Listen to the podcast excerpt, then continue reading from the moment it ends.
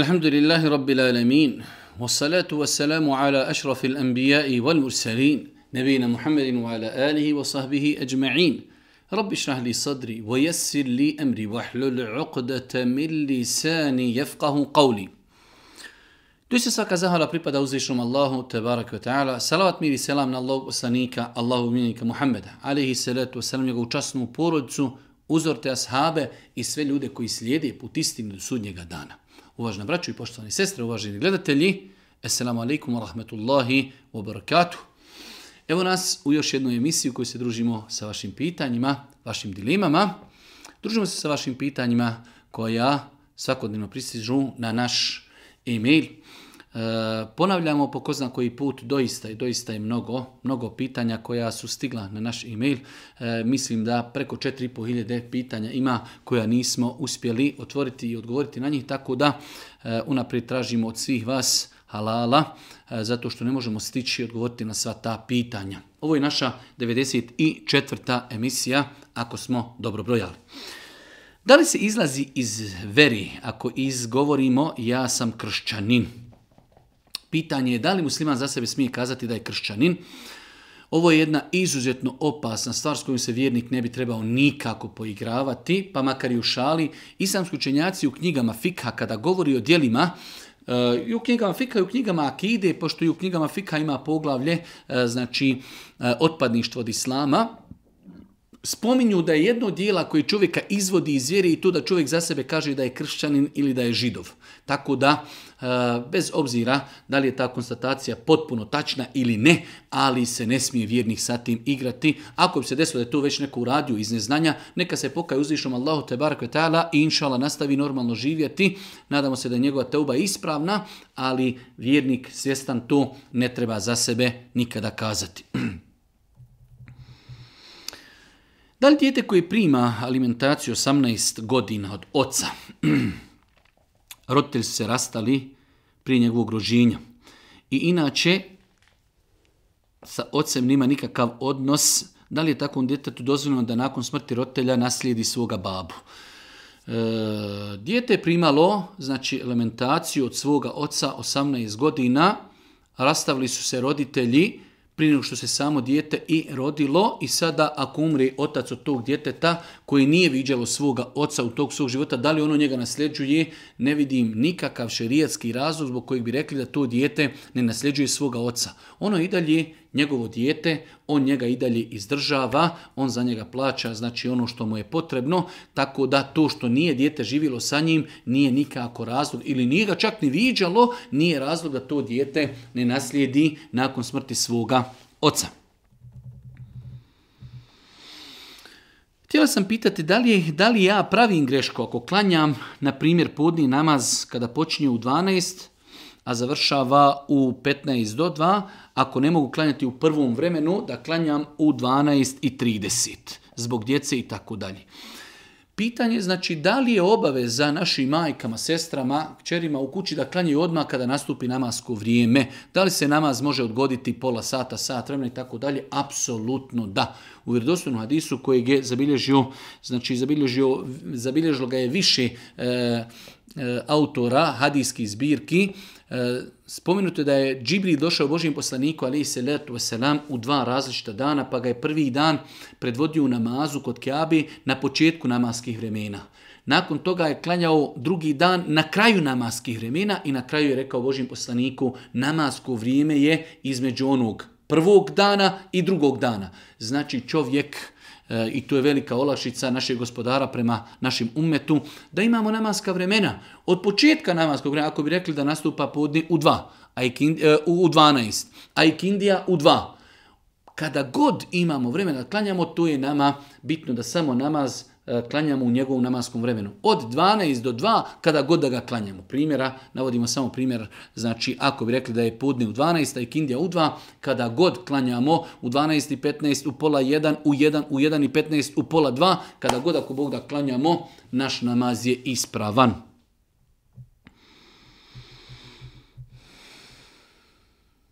Četvrto pitanje,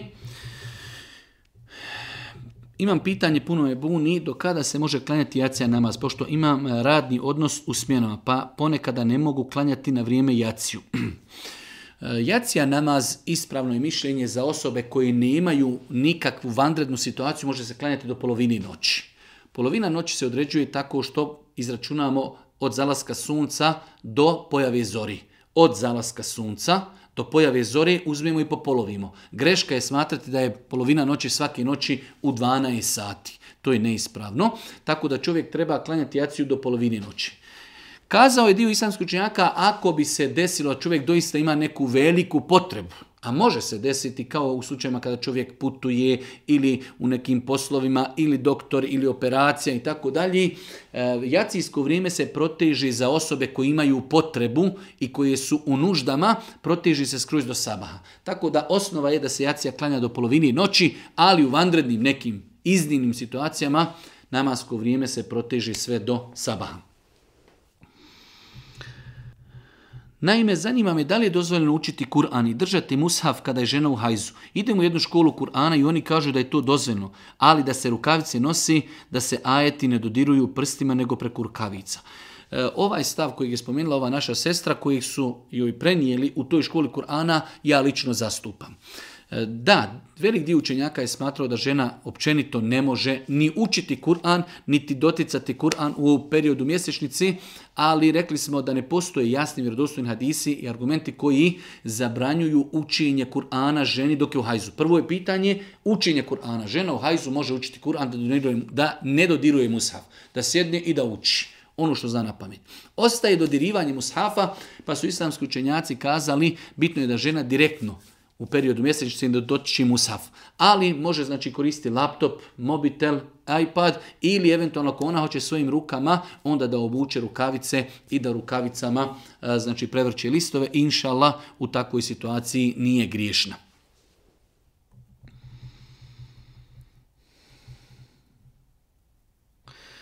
Šta kaže Kur'an na tevhid, četiresnicu za osobu koja je već preselila. Ja sam tražio puno i u knjigama i na internetu, međutim svugdje piše da je to novotarija i tako dalje. E, pošto sam ja mlad i nisam imao iskustva s time, rekao sam poroci da je to novotarija. Oni mi nisu vjerovali i rekli da se to uvijek radilo u Bosni i tako dalje. Radili su to naši preci. Tačno je da je organiziranje četiresnice ili takozvanog tehvida, da je to novotarija. Apsolutna novotarija. To nije radio Boži poslanik, niti je to ko radio iz prvih generacija. Allah poslanik je dozvolio kada je u pitanju meji da se za njega da sadaka, da se za njega obavi hađ ili umra, da se za njega dovi i dio učenjaka je smatrao i da se može e, učiti dio Kur'ana i to pokloniti Mejitu. To su stvari koji su islamski učenjaci dozvolili e, mimo toga organizirati se e, praviti ceremonije i tako dalje, e, to je novotarija u vjeri. Znači, nije mi poznato da je to neko od mezhebski i vrhunski učenjaka na svjetskoj sceni dozvolio.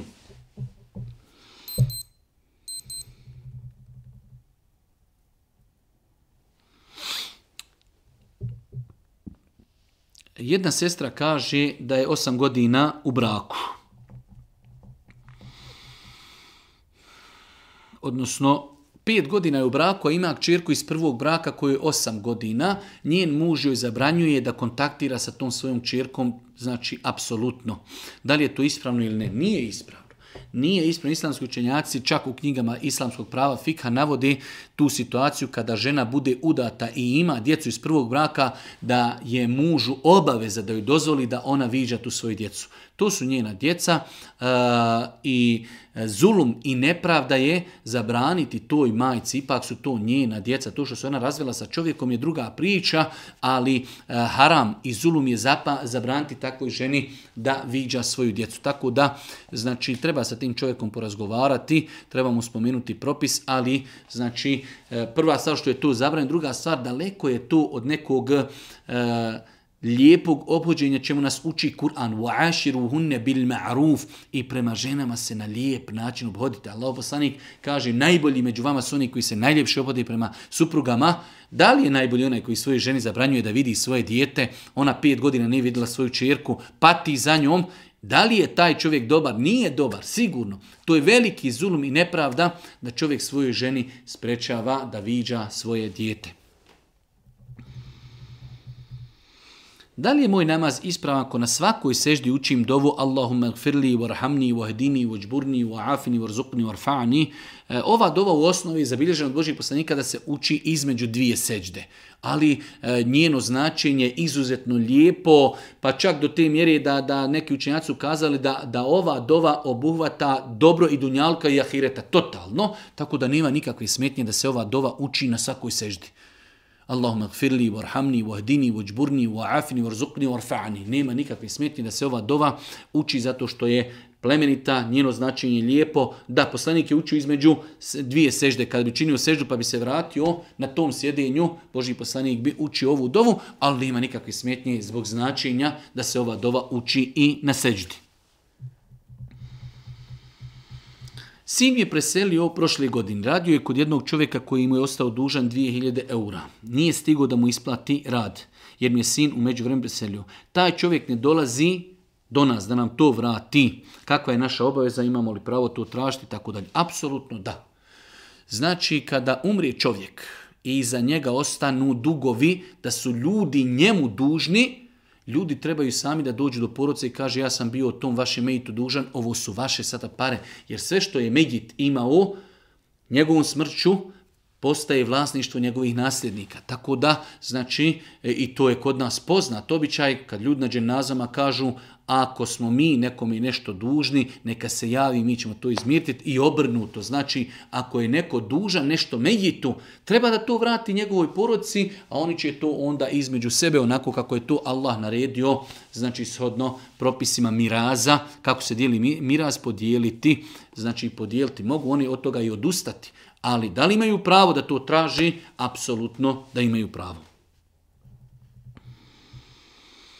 Čula sam da se ne smije nositi odjeća žute boje, pa želim ako Bog da, da mi pojasnite malo vezano za tu temu, za koji boje se smiju nositi, a koje ne, koje smiju žene da nosi, koji muškarci. U svakom slučaju nije tačna konstatacija da se ne smije nositi žuta boja.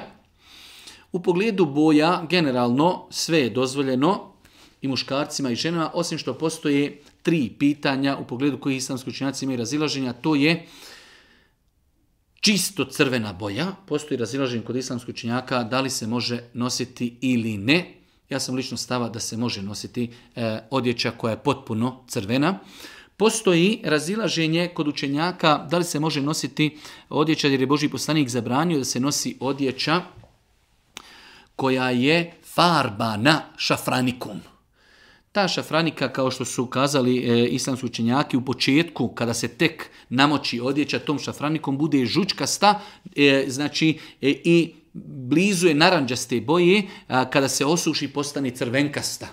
E ta, to je zabranio Boži poslanik ali se leto da se noći nosi odjeća koja je ofarbana šafranikom.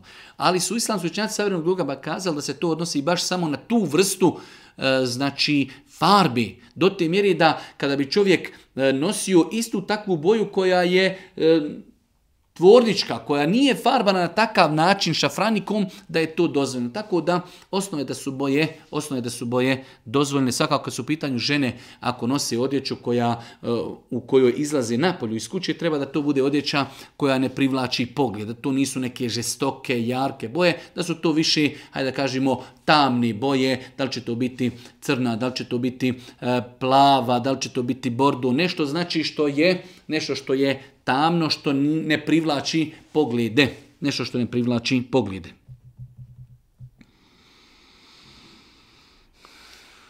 Da li urok Allahom dozvom može utjecati na to da ureče na životinja umri? Na način da je auto udari ili zbog uroka da, da urok bude um, e, sebe smrti. Da, može urok biti razlogom da životinja umri pošto je došlo e, u vjerodostojnom hadisu da znači urok bude razlogom da deva završi u loncu, znači za kuhanje da bude pojedena, e, urok može biti razlogom, ali da urok bude razlogom da bude udarena autom, to ne. To je već, znači, e, da kažemo, izlaženje iz tog kolosijeka. Životinja može biti ureknuta i da taj urok bude razlogom da umri od uroka ali ne može biti urečena pa da udarac autom bude razlogom zato što je ona urečena. To su pod meni dvije stvari koje ne treba vezati, ali ono što mi možemo kazati, Allah poslanik je kazao da je eh, urok istina. Urok je istina. I eh, može se desiti, kao što je spomenuto u ovom hadisu, da urok bude razlogom smrti životinji. Može se i to desiti, ali ne da urok bude razlogom da životinja bude udarena. Imam nijet dati djevojčici ime Asija ili Asija. Zanima me da li je to ime zabranjeno, da li znači griješnica i koje je ime nosila žena Faraonova. Allah poslani u hadisu, jer doslovno koji bilježi ima Buharija, kaže mnogo je ljudi koji su dostigli to neko savršenstvo, a kaže kod žena to savršenstvo dostigle su Asija, žena Faraonova, Merijema, čirka Imranova, i Aisha radijallahu ta'ala njena vrijednost u odnosu na druge žene je kao vrijednost popare u odnosu na drugu hranu. Pa je ovdje Allah poslanik spomenuo da se žena faraonova zvala Asija. U arapskom jeziku imamo znači dugu A, Asija. Tako se piše e, ime faraonove ženi Asija. A sa ajnom, Asije, Asije, sa ajnom u grlu. To značenje je značenje da je žena griješnica ili znači samo zna, u značenju e, nekako je uradila neki prijestup. Tako da mi bosanci to ne izgovaramo u arapskom kontekstu da kažemo asije, već kažemo Asija. Tako da e, vratimo se na početak, nema nikakve smetnje da se e, djevojčici da ime Asija. Nema nikakve smetnje da se djevojčici da ime Asija.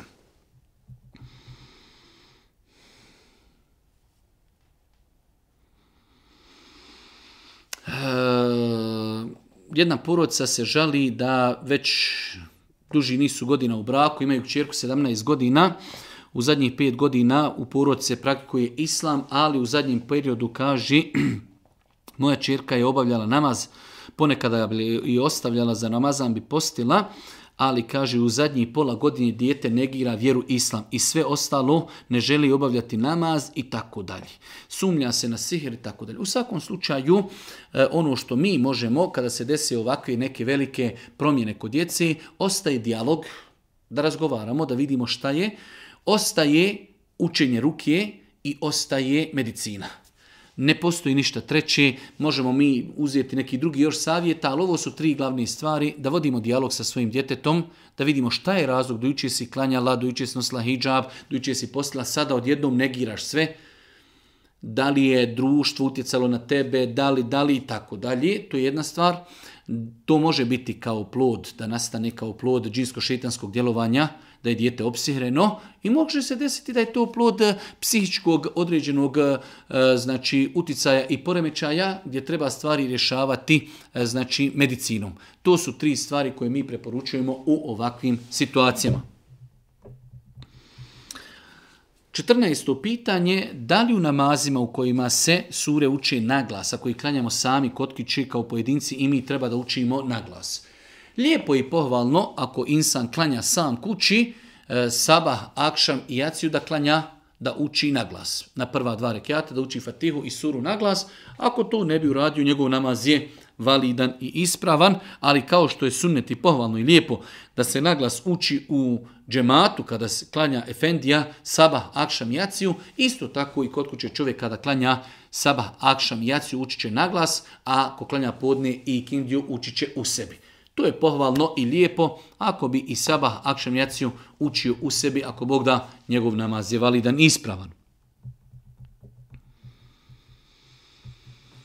Trudna sam osim mjesec, ostalo mi je 13 dana od Ramazana koje sam dužan napostiti. Da li ima nešto sporno da to sada napostim? E, opet se vraćamo na ono pitanje, rekli smo da osnova je, velik broj sestara ne zna da sama trudnoća po sebi ili dojenje djeteta nije razlog da žena ne posti, sama po sebi. Da kažemo svaka žena koja je trudna ne treba posti, svaka žena koja doji ne treba Ne, to nije tačno. Nažalost, velik broj ljudi to ne zna, već žena ako vidi da je trudnoća ili dojenje, da je slabiji, da dijetu e, znači nedostaje mlijeka i tako dalje, u takvom slučaju ona neće postiti. Tako da ova naša sestra kaže da se nalazi u osnovu mjesecu trudnoći, ima 13 dana, još je ostalo do Ramazana neka dva mjeseca, lagano ako može da to naposti. Ako ne može, ako Bog da napostiće će sljedeće godine, ali ona kaže ima li nešto sporno u tome da ja to sad napustim? Apsolutno ne. Čak šta viši, ako je zdrava i ako može, obaveza je da to napusti prije nastupanja sljedećeg Ramazana. Da li je dozvoljeno laserski obrezivati i sunetiti djecu? Generalno gledajući, e, u islamu, kada je u pitanju sunnećenje e, mi imamo proceduru šta e, doktor koji suneti dijete treba da odreži. Na koji način će on to uraditi, to je više sporedna stvar čime će on to odrezati ili ukloniti ili odstraniti. To je s aspekta islama da mi gledamo na suštinu. Suština je da se dio kožice e, koju poznaju doktori, e, koji koja kožica koja prekriva znači e, spolni organ, da se treba ukloniti. Kako će to doktor ukloniti? Znači, manje je bitno. Sada, to je s aspekta islama da je bitna suština, da se ta kožica ukloni. E sada ostaje moment da li je to medicinski preporučeno. Ako medicina kaže da je to ispravno, da je u redu, da to ne nosi nikakve nuspojave po dijete, onda će se tako i raditi. Ako medicina kaže to je štetan način, e, izaziva određene nuspojave, onda će se raditi standardnom i klasičnom metodom, znači e, e hiruškim zahvatom kako se radilo kroz historiju. Tako da znači, da li laserski sunetiti djecu s aspekta islama gledamo na suštinu. Bitno je da se kožica koju treba da e, liječnik ukloni, da se ona ukloni. Na koji način će on to urati, to je nama manje bitno koliko je bitna suština. S druge strane, poštojemo medicinu, kažemo ako medicina odobri takav način i u tome nema nikakvih nuspojava, onda je to dozvom koristi. Ako u tome imaju nuspojave, onda će e, znači liječnici e, koji to rade hirurzi, e, koji sunete djecu, onda će to raditi znači hiruškim zahvatom. Kada dajem sadaku za mog rahmetli muža, mogu li reći u nije, to ovo je za mene i za mog rahmetli muža. Nema nikakve smetnje da žena koja želi udijeliti sadaku, da li za svoga muža, da li za svoga oca, da li za svoga sina, da li za svoje dijete i tako dalje, svoju majku, nima smetnji, rekli smo da u tom udjeljivanju sadake uključi i pridruži više osoba i mrtvih i živih. Nema nikakve smetnje, znači da žena prilikom davanja sadake želi da da sto maraka i kaže ovo je na ime moga muža koji je preselio, ali nagrada i meni i njemu.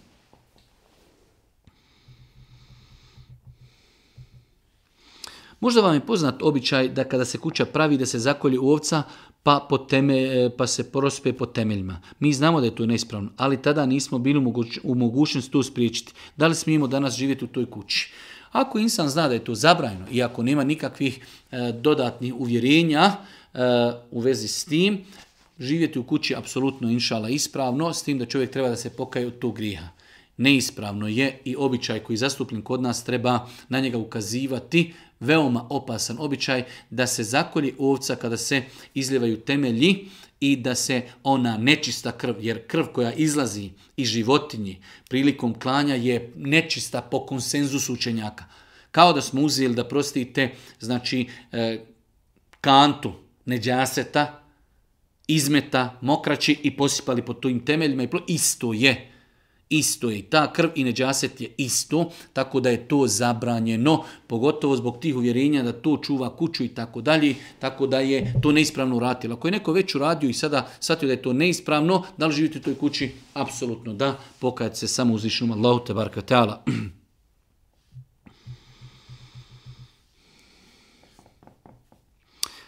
Pitanje je, čovjek želi da oženi jednu ženu koja je bila prija udavata, koja ima dijete iz prvog braka, sestra je hajli, nosi hijab, da li mi savjetujemo stupanje u brak sa takvim ženama? Generalno gledajući da. Svakako da te žene koje su imale prvi brak pa se razvele i one su, što bi rekao, insani, imaju pravo ponovo da stupe u brak i treba i njih neko da oženi.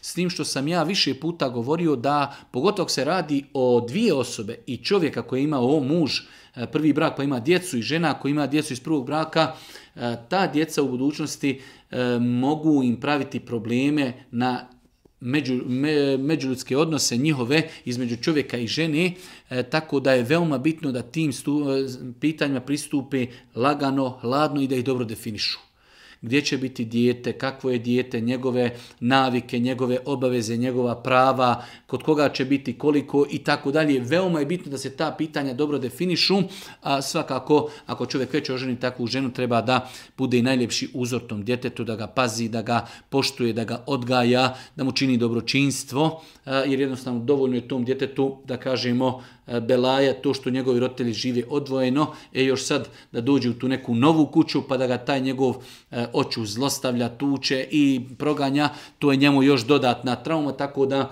e, jedan vid baš dobročinstva jeste da insan prema tom djetetu bude dodatno i plemenit i blag i da ga odgaja i da ga pazi i da mu čini dobročinstvo. Znači, generalno, nema ništa sporno s aspekta islama da se oženi takva žena, i da se uda, ali treba jasno definisati obaveze i prava tog djeteta. Što mislite, treba li izbjegavati polovnu odjeću kupovati sebi i djeci od nepoznatih osoba putem interneta i tako dalje?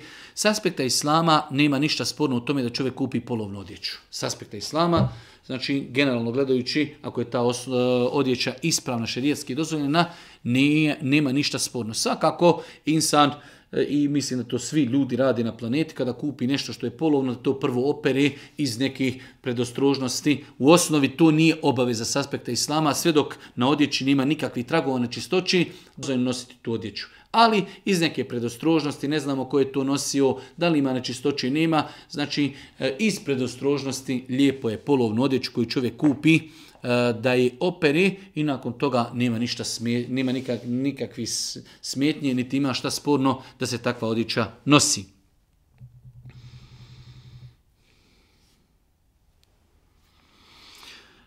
Molim vas za jedan savjet, imam problema sa abdomenom. Sve sam nalaze radio i sve pretrage, sve u redu. Ne znam da li se radi o sihru.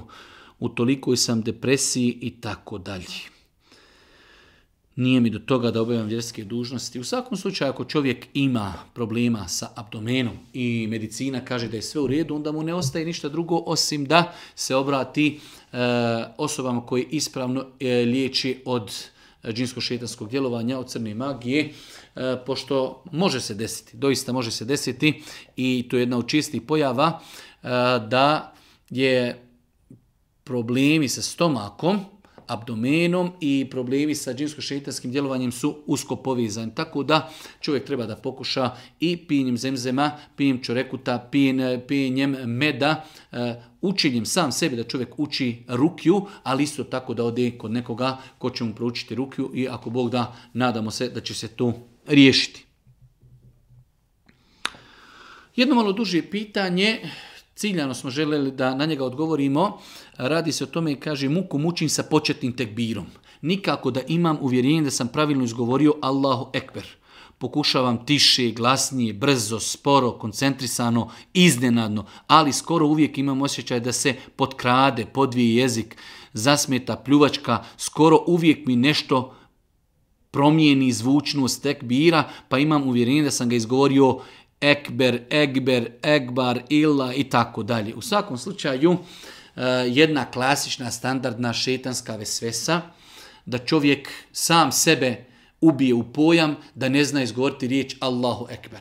Djeca, znači od dvije godine na ulici zaustavi, kaže reci Allahu Ekber, on kaže Allahu Ekber i onda čovjek fakultetski obrazovan, 45 godina, rođen u islamu, išao u Mejtev i sam sebe on razuvjeri da li ja znam riječi Allahu Ekber? Svaki dan slušamo ezane, učimo Kur'an, e, znači toliko tu riječ čujemo, nemuslimanije izgovaraju većina njih ispravno i onda čovjek šta je to osim šetanska vesvesa?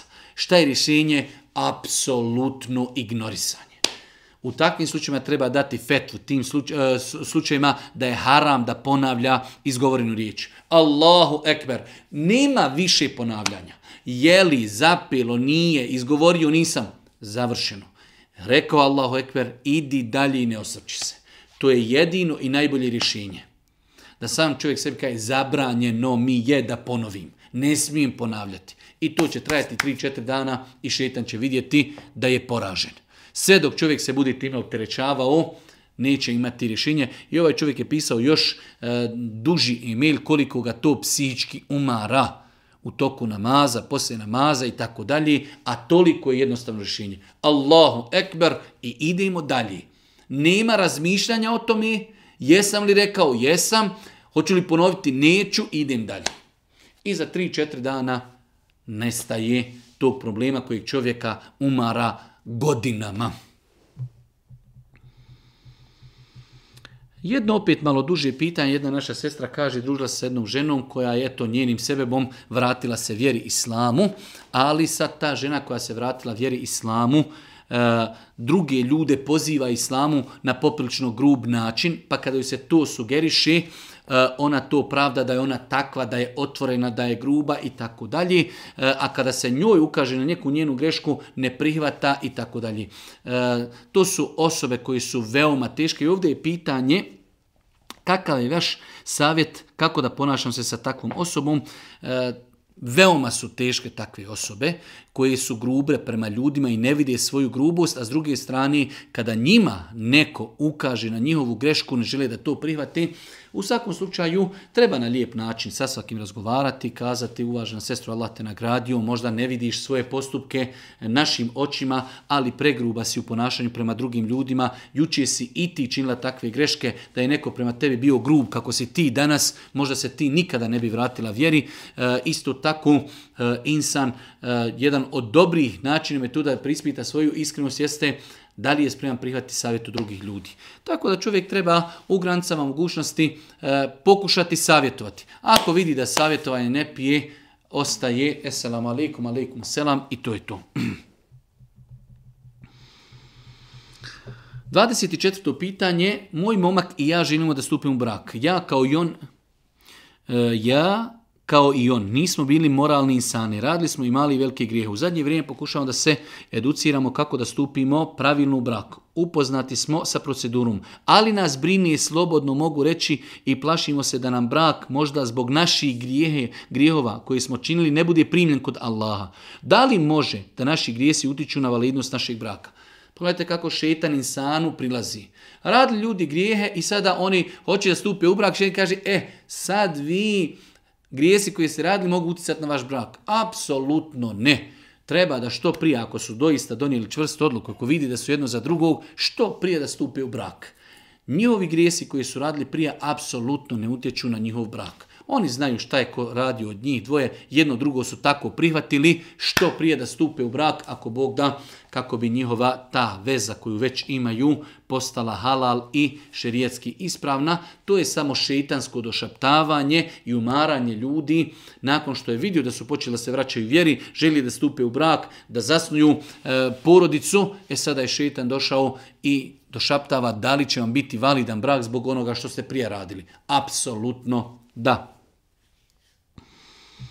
Da li se može nešto pojesti ili voda popiti dok smo u džunup stanju? Apsolutno da. Veoma bi bilo veliko opterećenje da se čovjek ukaže da ne smije ništa jesti ni piti. E, dok je u džunup stanju. Imate ljudi koji primjer radi možda u džunup stanju e, od sabaha i do podne se neće kupati, odšao je na posao, odšao je u čaršiju, radi, ima posla, i da mu ne smiješ ništa pojesti, ništa ni popiti, hvala Allah pa nas Allah Žešanu nije time obavezao. Postoji vjerodostojni hadisi da Allah poslanik ako bi bio džunup i htio jesti uzimao bi abdest. Uzimao bi abdest i ako bi htio spavati uzimao bi abdest. Znači pohvalno i lijepo je da džunup osoba ako želi jesti da uzme abdest i ako želi leći spavati da uzme abdest. To su dvije situacije kada je pohvalno uzeti abdest, ali ne obaveza s druge strane i da čovjek ne uzme abdest. U džunup stanju nešto jeo i pio, nema nikakve smjetnje i nije griješan.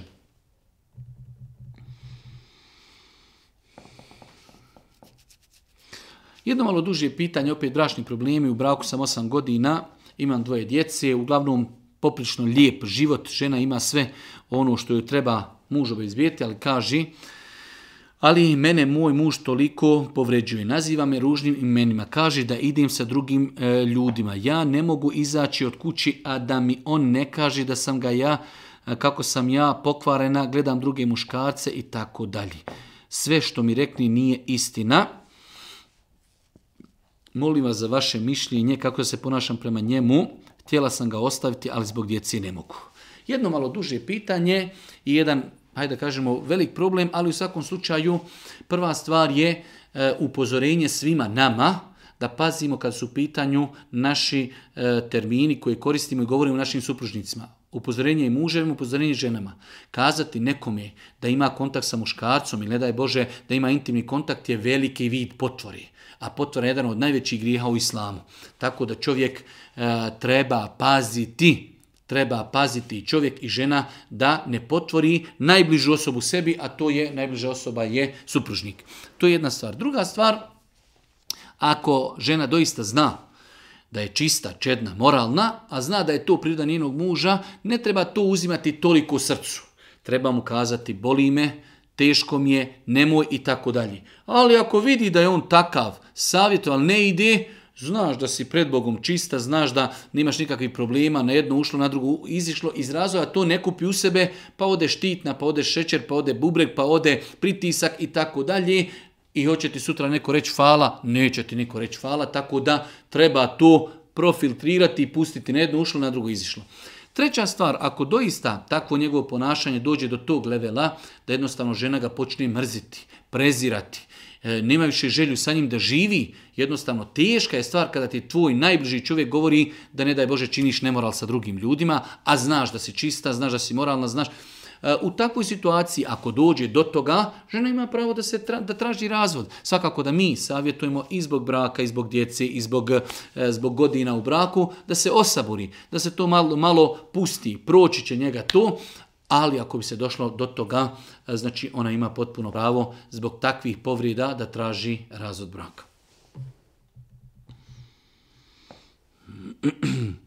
Jedno pitanje od jednog naših brata, e, kako se ponašati kada čovjek dođe u džamiju i saf je popunjen?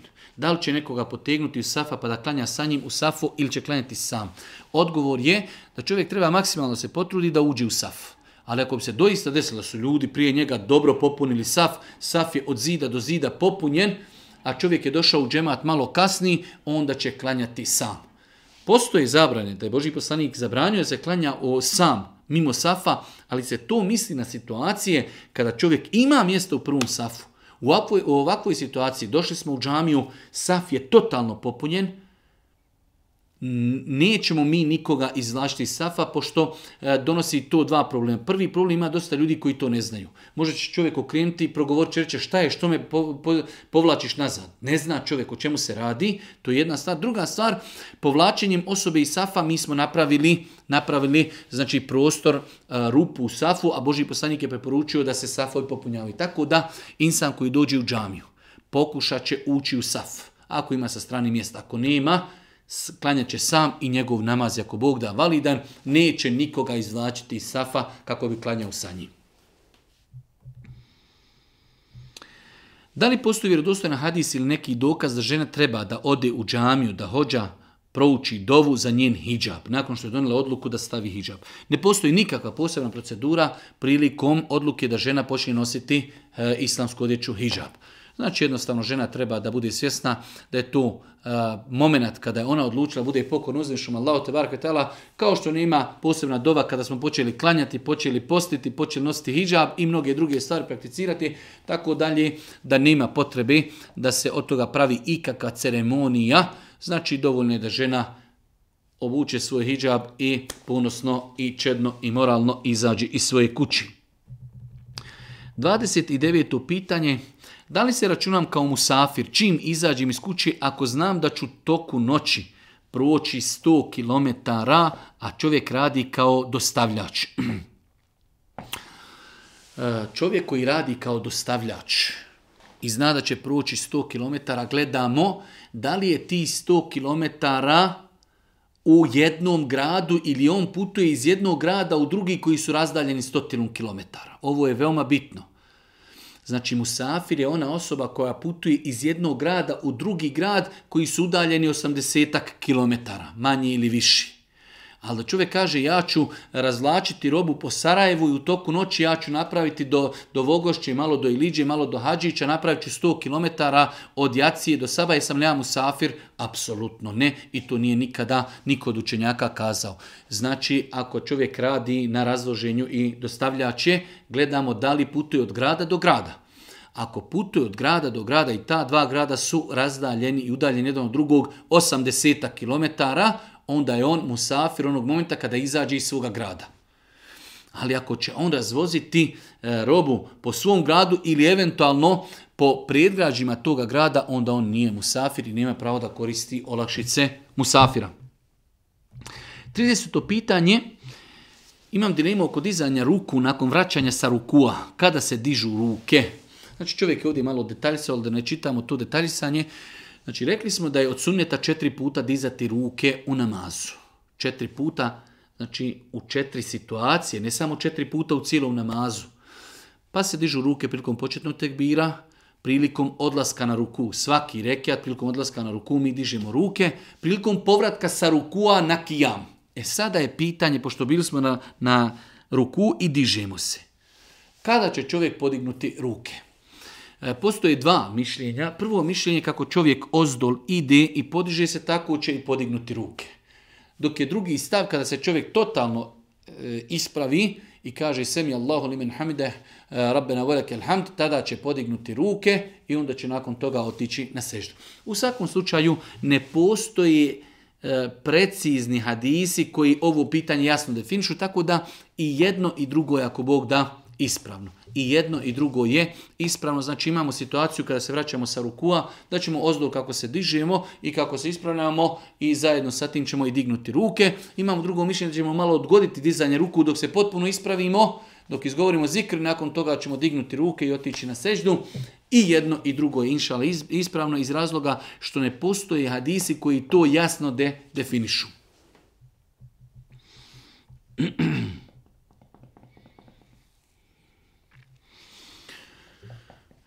Čovjek kaže, vjerio sam se prije mjesec dana. Smijem li imati intimni kontakt sa ženom prije širijetskog vjenčanja? Ne, nikako. Čovjek koji se vjerio, koliko je ljudi koji su poslije vjeritbe jedni odustali od drugih.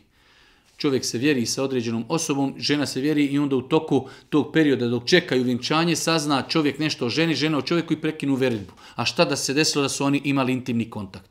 intimni kontakt počinje dozvoljen biti onog momenta kada oni jasno šerijatski postanu čovjek i žena kada se vjenčaju u saglasnost staratelja.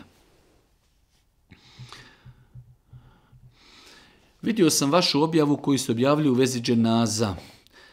Kada bi bilo dobra stvar da napravite neki video da pojasnite kako se praktično klanja dženaza namaz. Dženaza namaz je E, jednostavan ibadet, znači dženaza namaz se klanja na način da čovjek donosi početni tekbir, uči euzu, uči bismilu, uči fatihu, uči fatihu na prvom rekiatu. Znači, postoji razilažen kod islamskog učenjaka, ali tačno mišljenje da nakon prvog tekbira se uči fatiha. Kad se završi fatiha, Allahu ekber, znači postoji razilaženje da li se ponovo dižu ruke ili ne, lično sam stava da se prilikom dženazije ruke podižu kod svakog tekbira. Nakon drugog tekbira se uči e, salavati na Božih poslanika, ali se letu veselam. Kad se završi sa salavatima, opet se donosi tekbir Allahu Ekber, nakon toga se uči dova za mejita, bez obzira bio muško ili žensko, starija, mlađa osoba, dijete ili znači punoljetna osoba, učimo za njega dovu, nakon toga ponovo tekbir podižemo ruke i nakon toga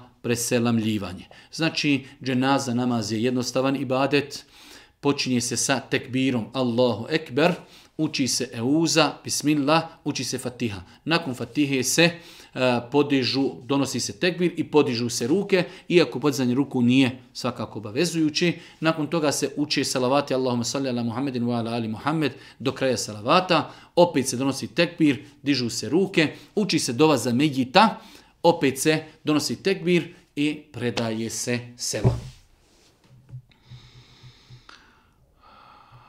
Kažu da je Muhammed, alihi selam, imao prstjen na kojem je pisalo Allah ili la ilaha illallah. Pa me zanima da li je zabranjen ulaz sa, takvim prstenom u toalet i da li je tačno da je poslanik imao prsten. E, da, tačno da je Boži poslanik imao prsten, hadis bilježi imam Buharija u kojem stoji da je Bubekr radijallahu ta'ranhu pečatio pismo sa prstenom Božijeg poslanika ali se letu wasalam a kaže na njegovom prstenu je bilo ugravirano e, tri reda je bilo Muhammed, Rasul, Allah. Znači pisao je gore Muhammed, Rasul, Allah. Al Muhammed je Boži poslanik. Muhammedu, Rasulu, Allah. Na prstenu je, znači, bila su tri reda. U prvom redu je pisalo Muhammed, u drugom Rasul, u, drugom, u trećem Allah. Muhammed, Allahu poslanik. E, nakon toga, nakon što smo konstatirali da su vjerodostojni hadisi potvrdili da je Boži poslanik Ali to Salam imao prsten na kojem je bilo ugravirano Muhammed Rasulullah, e, ostaje pitanje da li sa takvim prstenom možemo ulaziti u toalet. E, svakako ako čovjek može da skine prsten, da ga je da ili da ga stavi možda čak i u džep, da je to ljepše i bolje da uradi, ali e, hadisi koji potvrđuju da je Boži poslanik prilikom e, ulaska u toalet skidao prsten nisu vjerodostojni hadisi u kojima stoji da je Boži poslanik skidao prstim prilikom ulaska u toalet, nisu vjerodostojni. Tako da ostaje da čovjek ako može iz respekta prema e, znači, e, imenu uzvišnog Allaha te barakve ta'ala, ako može da to e, da nekome da ostavi, ako bi se bojao da će to izgubiti ili da će mu to neko uzeti, ukrasti, onda to može znači staviti u džep i bitno je da kažemo da ta prsten treba da bude tada na lijevoj ruci, iz e, na desnoj ruci iz razloga što se čovjek poslije nužde čisti lijevom rukom, tako da ne daj Bože ne bi došlo da e, čovjek e, ili prstenom dotiče ili spolni organ da dotiče nečistoću, opet na tom prstenu znači imamo izgravirano Allahu te ime. Tako da nema smetnje. Ako nema kome čovjek da ostavi i da taj prsten, nema smetnje da sa njim uđe u džami, e, da sa njim u toalet, e, može ga staviti sebi u džep, a ako će mu već biti na rukama, onda da bude i na desnoj ruci, kako tokom znači čišćenja od nužde ne bi, ne daj Bože, e, sa njim doticao spolni organ ili eventualno nečistoću. Allah subhanahu wa ta'ala molimo da nam podari korisno za nje, molimo subhanahu wa ta'ala da nam bude milostiv na sudnjem danu i na kraju subhaneke, Allahumma da bihamdike, šedu en la ila instakfiruke, wa etubu إليك.